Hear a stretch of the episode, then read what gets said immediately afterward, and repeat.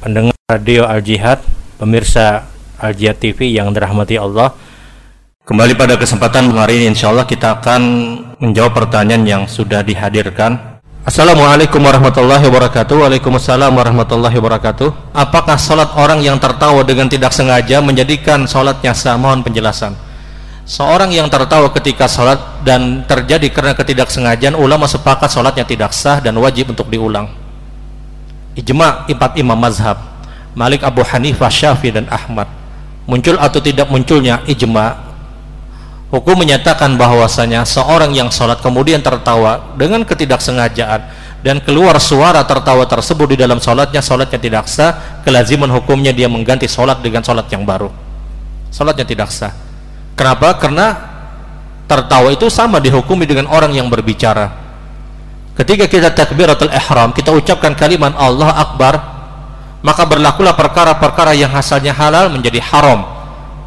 Tertawa hukum asalnya halal kapan sebelum sholat? Berbicara hukum asalnya halal kapan sebelum sholat? Makan minum sebelum sholat hukumnya halal. Tapi ketika kita ucapkan Allah Akbar terjadi takbiratul ihram maka diharamkanlah perkara-perkara yang halal. Inilah yang dikenal dengan takbiratul ihram. Kenapa takbir pertama disebut takbiratul ihram karena dia mengharamkan perkara-perkara yang hukum asalnya halal. Seorang yang tertawa di dalam sholat dan keluar ter, keluar suara tertawa tersebut karena khilafnya hanya ketika tidak keluar. Ada orang yang tertawa tapi tidak keluar tidak keluar suaranya tidak keluar. Bergarak-garak aja awak sini bergarak-garak aja. Namun orang yang seperti ini apakah sholatnya harus diulang? Khilaf para ulama mayoritas ulama menyatakan tidak mengulang tapi dipastikan sholatnya tidak khusyuk.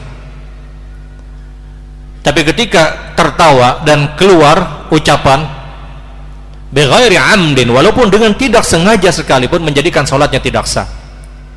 Menjadikan sholatnya tidak sah. Wallahu